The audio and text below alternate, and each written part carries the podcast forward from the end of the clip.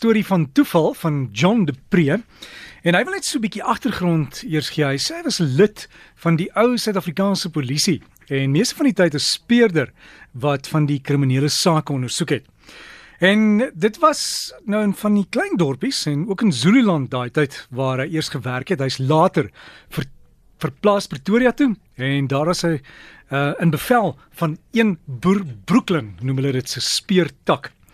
Maar hy sê tussen al die stories was daar darm so goue draad en hy sê dit het te maak met toeval wat so 'n lewe 'n rol speel. So kom ek vertel jou die storie. Hy sê hy het sy loopbaan in die SAP dan as speurder begin op Brakpan en daar het hy 'n noue ontkoming gehad, maar en hy was jong getroudes met 'n hele lewe wat voor lê gelê het. En hy sê hy was toe nog 'n wat hulle noem 'n proefspeurder en daardie dae moes jy eers vir 6 maande prakties doen en 'n proefspeurder word.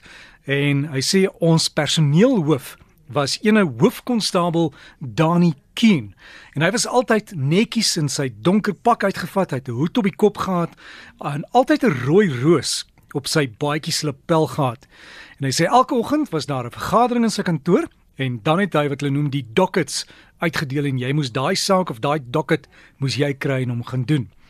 Hy sê ons paar proefspeurders het nie vervoer gehad nie, ons is maar arm, maar loop so hier en daar saam met die genade en hy sê partykeer dan is daar 'n senior wat daarom vir jou sy Harley Davidson motorfiets kon leen mits jy een van hulle sake of hulle dockets op jou skouers sou neem en dan die klaars gaan besoek met die Harley Davidson.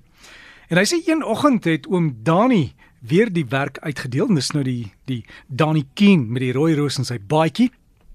En hy sê ek het toe 'n saak gekry, skryf John hier wat uh, die verdagte daar in Benoni moes moes gaan gaan gaan besoek of jy moes die verdagte daar gaan besoek en ek sien hy skryf hier toevallig het die proefspeurder Web daardie oggend langs my gesit.